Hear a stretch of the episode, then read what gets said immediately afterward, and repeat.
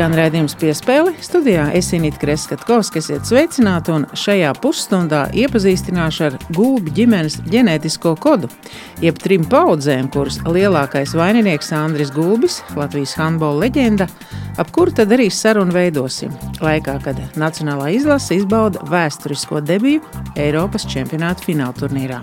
Latvijas Sporta muzejā šonadēļ notiks sporta sabiedrības tikšanās ar mūsu tautieti Amerikā, Latvijas Olimpiskās komandas ārstu Albervilas, Barcelonas un Lillehammers Olimpiskajās spēlēs Kārli Uli. Viņam bijusi privāta prakse Losandželosā, vadošais ārsts piecu Olimpisko spēļu sporta komandām, Tostarp arī Latvijas Olimpiskās komandas ārsts Albervilas, Barcelonas un Lillehammers Olimpiskajās spēlēs. Godināšanas svētkos Ulis dalījās ar interesantiem olimpisko spēļu stāstiem, video materiāliem, izmantojot ārsta, kino amatieru un fotogrāfu vairāk nekā 40 gadu garumā tapušos materiālus.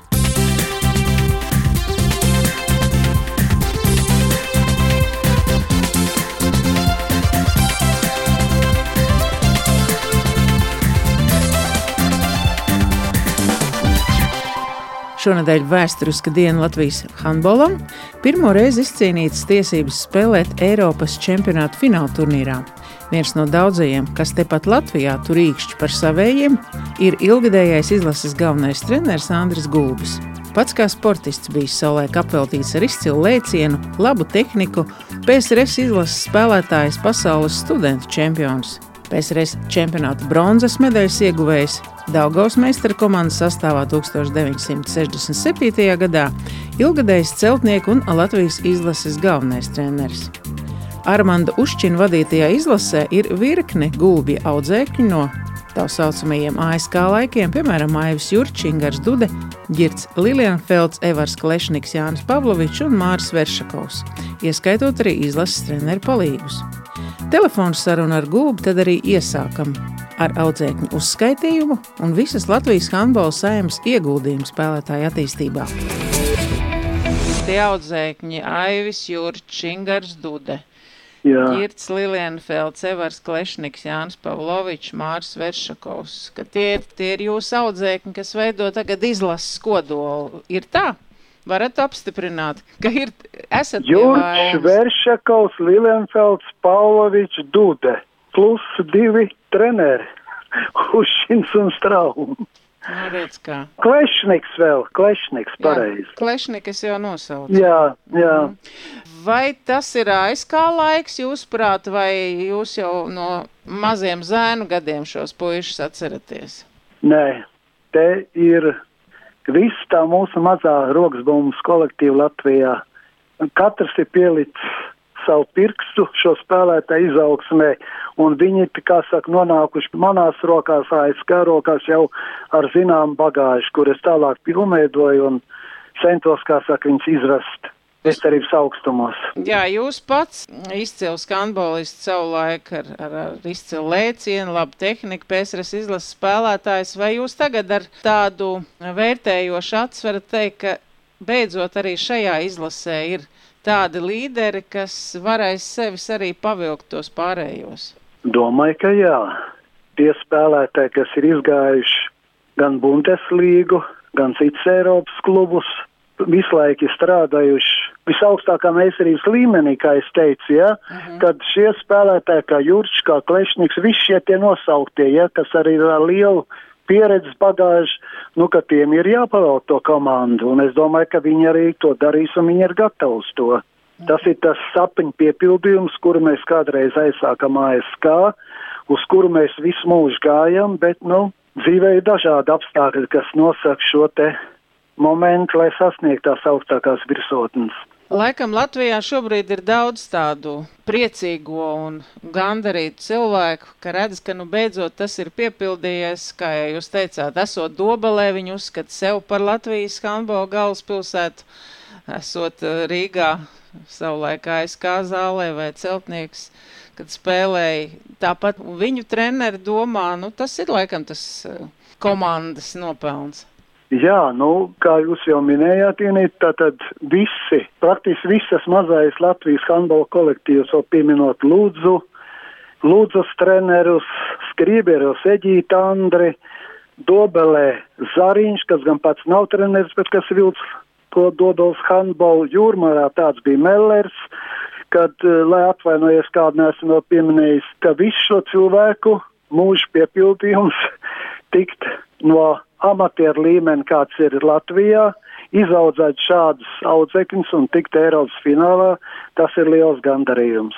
Vai jūs piekrītat, ka ir jābūt kādam supertalantam, nu, kā es vienmēr esmu teikusi, bija Anita Jēkabsona žogada basketā un Jā. Latvijas dāmas tika uz olimpiādu. Tagad mums ir uh, Dainis Kristopāns, Jā. kas arī ir, manuprāt, superzvaigzne. Piekritīšu jums, kad ir jābūt līderiem, ir jābūt tādiem vilcējiem, uz ko var komanda balstīties. Patiešām tāds šodien ir Kristopāns. Es domāju, ka pie pilnas atdevas, ja veselība būtu kārtībā, kad arī Jurčs tādā pašā veidā var spēlēt. Un neaizmirsīsim, kad es domāju, ja mums ir tāds Kristopāns, tad piecus, septiņus gadus atpakaļ tāds bija Klešniks. Ja nebūtu šī nelaimīgā trauma, ka viņš spēlē tādā pašā līmenī. Jā, nu mēs jau atceramies pirms pāris gadiem, kad Latvija jau bija tā kā finālā, bet tur tās 20 sekundes nu, šoks bija visiem. Tātad mēs ejām diezgan solīt pa solītim līdz tam fināla turnīram un uh, likās jau tad, ka Katika nu, neizklīst tā izlase, jo tur bija daudz aizvainotie, bet tomēr izdevās to dūri saturēt kopā.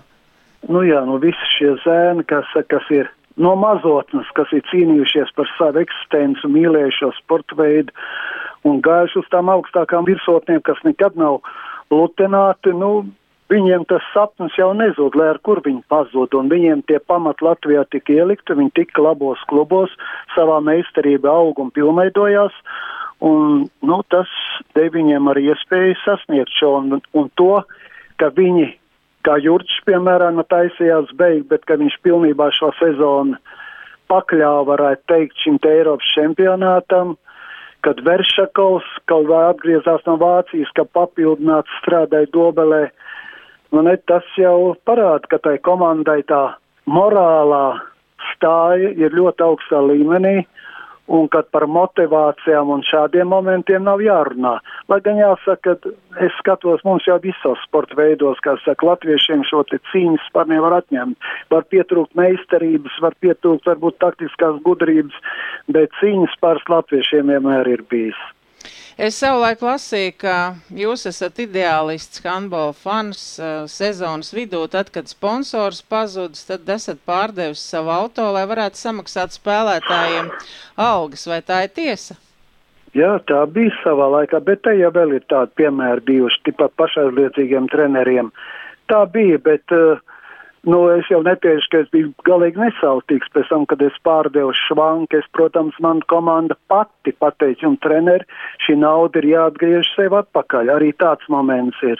Jā, nu vienalga tas ir cēli Jā. un patīkam atcerēties. Un, manuprāt, tagad ir arī, nu tas nekur gan nav izskanējis, bet e, es zinu, ka liels problēmas bija vispār sarūpēt līdzekļus, lai samaksātu tiem, kas strādā, lai viņi varētu paņemt atvaļinājumu un braukt uz čempionātu, jo ne jau viss ir profesionāli. Jā, nu es nezinu pašlaik kāda to situācija, kā zēniem ir ar finansiālo norēķinu, es nezinu, to patiešām man grūti spriest, bet, nu. Tas jautājums kontekstā ar to, ka mums pretī nāk tādas uh, handbala lielvalstis kā jā, Spānija, Vācija, jā, kur jā. ir pavisam cits līmenis un atalgojums, tad kas jūsprāt ir tas, kā mēs varētu nospēlēt cienīgi un izbaudīt šo Eiropas čempionātu finālu? Kas ir tie mūsu plusi, jūsuprāt? Komandas spēle droši vien, veselība jā. jāsatur? Nu, pirmkārt jau ir kopējais moments, ka viņi jūt, varbūt tā ir zinām arī nasta no visas Latvijas handbola sabiedrības, ka ir tāds zināms spiediens, ka viņi nedrīkst būt tur par peramiem zēniem šajā čempionātā, ka viņiem augsts jātur Latvijas handbola gods. Un es domāju, ka tas būtu viens no tiem momentiem, kas neļaus viņiem nolaist spārns un, kā saka, tā brīvi padoties. Jo pamat uzdevums šajā čempionātā ir uzvarēt Nīderlandi. Uz daudz kaut ko vairāk, protams, ar visām tām iespējām, kādas ir uz šodien, es domāju, mēs nevaram cerēt. Pārējās spēles arī pret Vāciju un tā tālāk daudzām komandām notiek pašlaik paudžu maiņas, un tā ir iespējams normāli cīnīties. Nu, es ceru, es ceru, ja, kad puikas nesaplīsīs, ka viņi novedīs godam visus šos mačus līdz galam. Um, Atgādinu, ka šodien redzījumā piespēle mans sarunu biedrs ir Andris Gulbis, kad pirms diviem gadiem Latvijas handbols svinēja savu 60. tad uh, jums bija tā pusapaļā 75 gadu jubileja. Es gribētu uzsvērt arī to, ka nu, šī tā saruna ar trim gulbju paudzēm. Meita Zanda 90. spēlēja gan TTT, gan Latvijas izlasē, un tagad mazmeita Aleksa Amerikā visu līmeņu jaunatnes izlasēs labi sev parādījusi. Kā jūs jūtaties tagad, nu jau kā opīt cīkšķu turētājs, tā varētu teikt? nu, sports ir ļoti grūta profesija, profesionālā līmenī, tā es varētu teikt. Man, protams, prieks par Zandu, Un galvenais prieks gan par manu meitu, gan par mazmeitu ir to, kad viņas saprot, ka sports, tāpat varbūt kā baletā, ka tas ir īslaicīgs moments, ka jānodrošina sev ar profesiju, un gan man meitas abas ir izstudējuši, gan Aleks tagad aiziet uz Ameriku un spēlējot un cerot, ka viņi ar kādreiz varēs spēlēt Latvijas izlasē, ka viņi ļoti uzsītīgi mācās un apgūst to profesiju, ko viņi ir izvēlējusies sev nākotnē. Nu, un man kā opiem atliek tikai visu laiku slimot līdzi. Un, ja Noviks nav ielīdz ziņas, tā es nervozēju, tad man jāzvanīja uzreiz meitai un znotam, kas seko katrai spēlē līdz kā Aleks spēlē. Un tad, kad Aleks ir brīvlaikā, es esmu noskatījies tās spēles, un tad es Aleksai gudri mācu pēdiņās. Viņai pietrūkst tur eksplozija, ātrums bieži un tādas lietas, kā saka, bieži tādas vienkāršākās spēles izpratnes, vairāk kustīguma un tā tālāk, nu tad Bajārs un Gulbis mācā Aleks savu mazmeitu. Skaidrs. Nu tad uh, sveiciens arī Novikam, lai viņš aktīvi strādā, lai zina, ka viņa lasa un gaida. Un es saku jums lielu paldies par šo interviju. Turēsim mhm. īkšķis par Latvijas Jā. handbolu un veselību jums un mhm. paldies par paveikto. Paldies. Paldies. Visu labu. Visu labu. Atā. Atā. Viens mats ir trausls, bet, ja sapīt bizē, tu viņu nekad nepārrausi. Ja? Un muskuļu šķiedra arī bija kvijums. Protams, vēlākais prieks, ka mēs palikām elitē, cīnījāmies un labi nospēlējām, es domāju. Zanda Gulbe 90. gados spēlēja Latvijas basketbola valsts vienībā. Raidījuma piespēle turpinājumā vispirms atmiņas par savu bērnību, kad tēvs handbola treneris Andris Gulbis bieži bijis treniņos un izbraukumos ar komandu. Atceroties savu bērnību, domājot par to, cik daudz uh, handbols ir ietekmējis teiksim, manu, manu sapratni par sportu, es uh, noteikti teiktu, tā, ka uh, nevis tas ir handbols, bet tas ir viennozīmīgi mans tētis. Protams, ka tētis bija handbolā simtprocentīgi. Tas, ko savukārt es atceros, kādā veidā tas ietekmēja man visdziļākā bērnībā, ka viņi nekad nebija mājās. Viņš bija vienmēr projām, viņš bija vienmēr treniņos, stūrēs, izbraukumos, turnīros. Līdz ar to tas, ko es atceros no bērnības, tiešām viņi nebija mājās. Tētis vienmēr bija tas cilvēks un ir tas cilvēks, kurš simtprocentīgi viņa darbības veids, tas, ko viņš dara, tā ir viņa dzīve. Tas nozīmē, ka handbols patiesībā mums mājās bija nepārtraukti tik lielā mērā, cik tētis pats bija mājās. Līdz ar to mēs runājām, mēs runājām par situācijām, bet tajā laikā, es un mana māsa, mēs vēl bijām maziņas, un līdz ar to mēs tikai spējām klausīties, kas notiek, kādas situācijas, ko atkal spēlētāji izdarījuši vai neizdarījuši, kurš ir nākošais talants. Tas viss mums bija mājās, tik daudz, cik tētis pats bija mājās. Tas, kā es nokļuvu basketbolā, ir ļoti interesants stāsts, jo, kā zināms, kā jau iepriekš runājām, un kāpēc vispār šobrīd runājam, viss ir ar tēti un par tēti. Tātad mūsu ģimenē sports ir vienmēr bijis tādā goda vietā, un tā ir mūsu dzīve bijusi, kā jau minēju. Izaugām ar, ši, ar māsu abas divas ar šajā atmosfērā, sporta atmosfērā, varbūt ne gluži esot tētim līdzi uz treniņiem zālēs, bet vienmēr jūtot līdzi visos darbos un, un atbildīgās spēlēs. Droši vien, kad ir ļoti interesants jautājums, kāpēc tētis mani neievirzīja handbolā, bet tas ir, um, tas tiešām ir interesanti, jo pašā sākumā, manā pašā bērnībā jau tika teicis pateicis, ka nē, nē, nē, handbols tā ir tik tāda spēka spēle. Es negribu, lai uz Anna spēlē handbolu, līdz ar to meklējam citus sporta veidus, kas ir mazliet, mazliet kaut vai sievišķīgāki. Līdz ar to bez nekādas tādas ievirzes, tiešām man pirmā satikšanās ar, ar sportu bija tad, kad um, mana pirmā trenerīte Tamāra Hendela atnāca uz skolu un uh, uzaicināja mani un daudzas citas meitenes, kuras toreiz izrādīja vēlēšanos, jā, un tā es iegāju tā kā basketbolā. Atmiņas par to tiešām ir labas, ir sevišķi par to pirmo posmu, kur Tamāra Hendela mums rādīja un stāstīja par basketbolu. Kā zināms, maziem bērniem treneris ir cilvēks, kurš dažkārt ir tāpat kā mamma un tēvs, kurš rāda dzīvi. Un tā dzīve man arī basketbols kļuva par manu dzīvi. Ejot gadiem uz priekšu, attiecīgi junioru periods, Anatolijas Konstantīnovs manā gadījumā. Arī ļoti labas atmiņas, individuālais darbs, 6 vai 7 no rīta treniņi Daugaus centrālā sportnamā, un pēc tam jau tālākie posmi pārējai uz TTT, uz pamatīgu jau profesionālu darbu trenera Garkalna, Zeltiņu un Elmāra Krūzes vadībām. Atmiņas viennozīmīgi par šiem visiem posmiem ir ļoti pozitīvas, jo tā tāpatās kā tētim, tā ir bijusi man dzīves liela daļa, kur es esmu likusi sev iekšā un mēģinājusi kaut ko sasniegt tajā visā, izdarīt.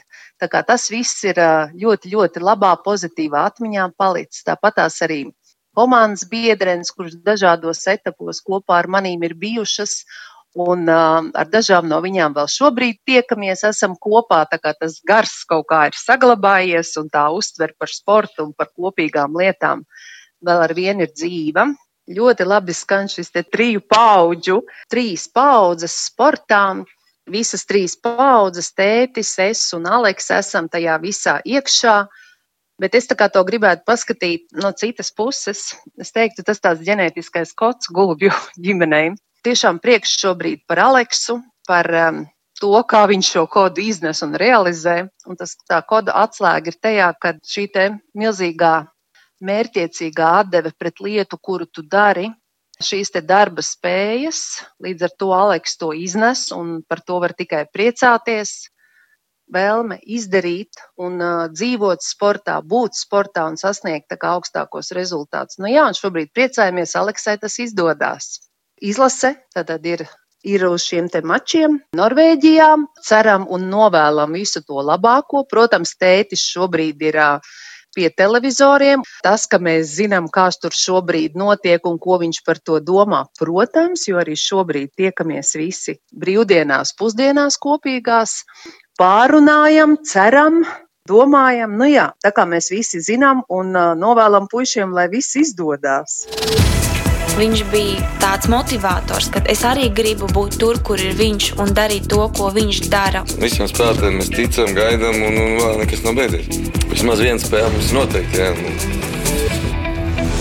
Aleksa Gulbe ir dzimusi basketbolistu ģimenē. Viņas tēvs Marks Bajārs bijis basketbolists un treneris par mammu Zandu jau nolikā dzirdējām. Pirms pieciem gadiem U-16 izlases sastāvā Aleksa izcīnīja piekto vietu Eiropas čempionātā. Gadu vēlāk debitēja pasaules čempionātā vecumā līdz 17 gadiem Saragosā, mācījusies arī Itālijā, Reijera Venecijas sistēmā. 17. gada februārī kļuva par pirmo Latvijas pārstāvi NBA atbalstītajā Basketball Without Borders globālajā nometnē, un klātienē arī redzēja Kristapa Porziņa piedalīšanos uzlēcošo zvaigžņu spēlē un arī nopelnīja vietu meiteņu zvaigžņu komandā. Tagad 19 gadus vecā Aleksa studē un spēlē basketbolu ASV Nacionālajā koledžu asociācijā Indiānas Universitātes komandā. Ir vienīgā Eiropieta tajā. Pēc pussezonas spēlēšanas pieaugušo līmenī Rīgas TTT sastāvā kļuva par Latvijas čempionu. Saruna ar ASV studējošo Aleksu Gulbi vispirms nevis par opi un handbolu, bet gan kāpēc viņas leduskapī allaž jābūt ievārījumam, bet ēdienkartē nedrīkst būt olīvas.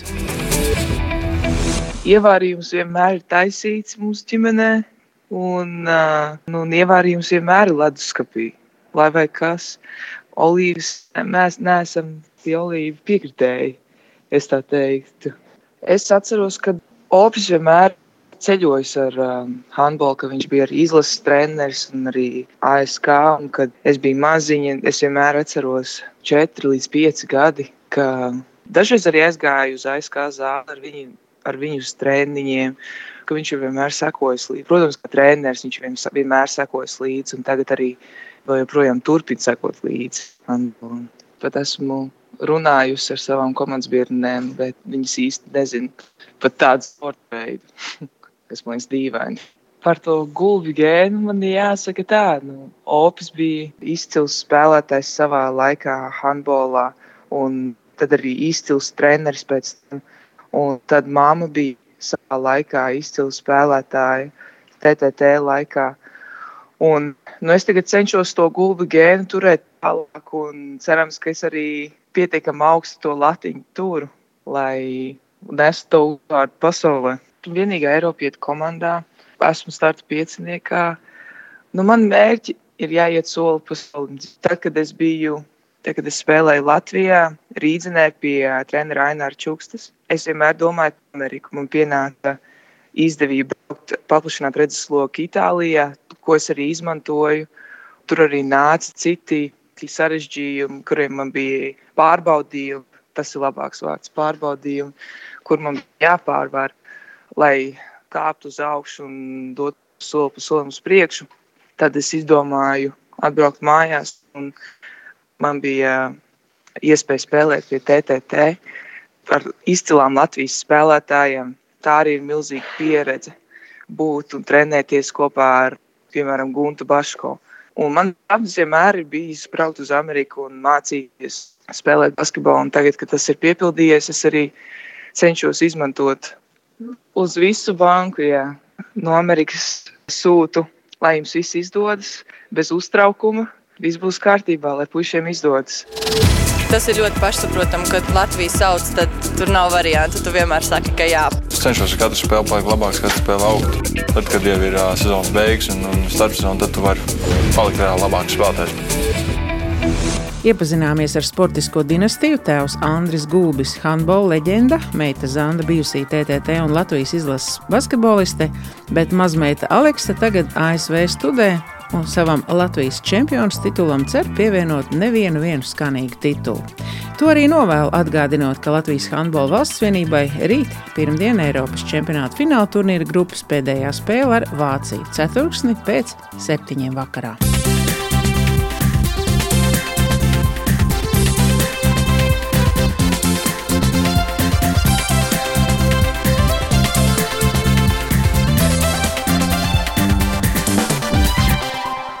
Latvijas Sporta muzejā šonadēļ notika sporta sabiedrības tikšanās ar mūsu tautieti Amerikā. Latvijas Olimpiskās komandas ārstu Albervilas, Barcelonas un Lillehammers Olimpiskajās spēlēs Kāli Ūli. Viņš piedzima Latvijā, otrā pasaules kara izskaņā, bet izglītību ieguva jau tālu no dzimtenes. Par izglītošanās vietu kļuva Vašingtonas štats ASV, kurā aizritēja bioloģijas un ķīmijas studiju gadi Takoma Universitātē. Vēlāk sekoja medicīnas pēcdiploma studijas Vašingtonas medicīnas skolā Sietlā, noslēdzoties ar direktoru pienākumiem Sporta medicīnas Artūra Eša studentu medicīnas centrā. Līdz ar Latvijas atgriešanos pasaules olimpiskajā kustībā pavērās ceļš sadarbībai ar Latvijas Olimpisko komiteju un mūsu Olimpiskās vienības sportistiem. Kārlis Ullis kļuva par Latvijas Olimpiskās komandas ārstu trīs spēlēs pēc kārtas - Albervilā, un Barcelonā 92. gadā un atkal ziemas spēlēs Lillehammerē pēc diviem gadiem. Tikšanās reizē sporta muzejā Olimpiskajam doktoram bija iespēja kopā ar loku vadību, olimpiešiem un citiem interesantiem apskatīt savus safilmētos video materiālus un pēc tam novērtēt, cik tad gadu desmit ir pagājis. Uz nelielu sarunu Kārli Ulu aicināja arī raidījumā piespēli.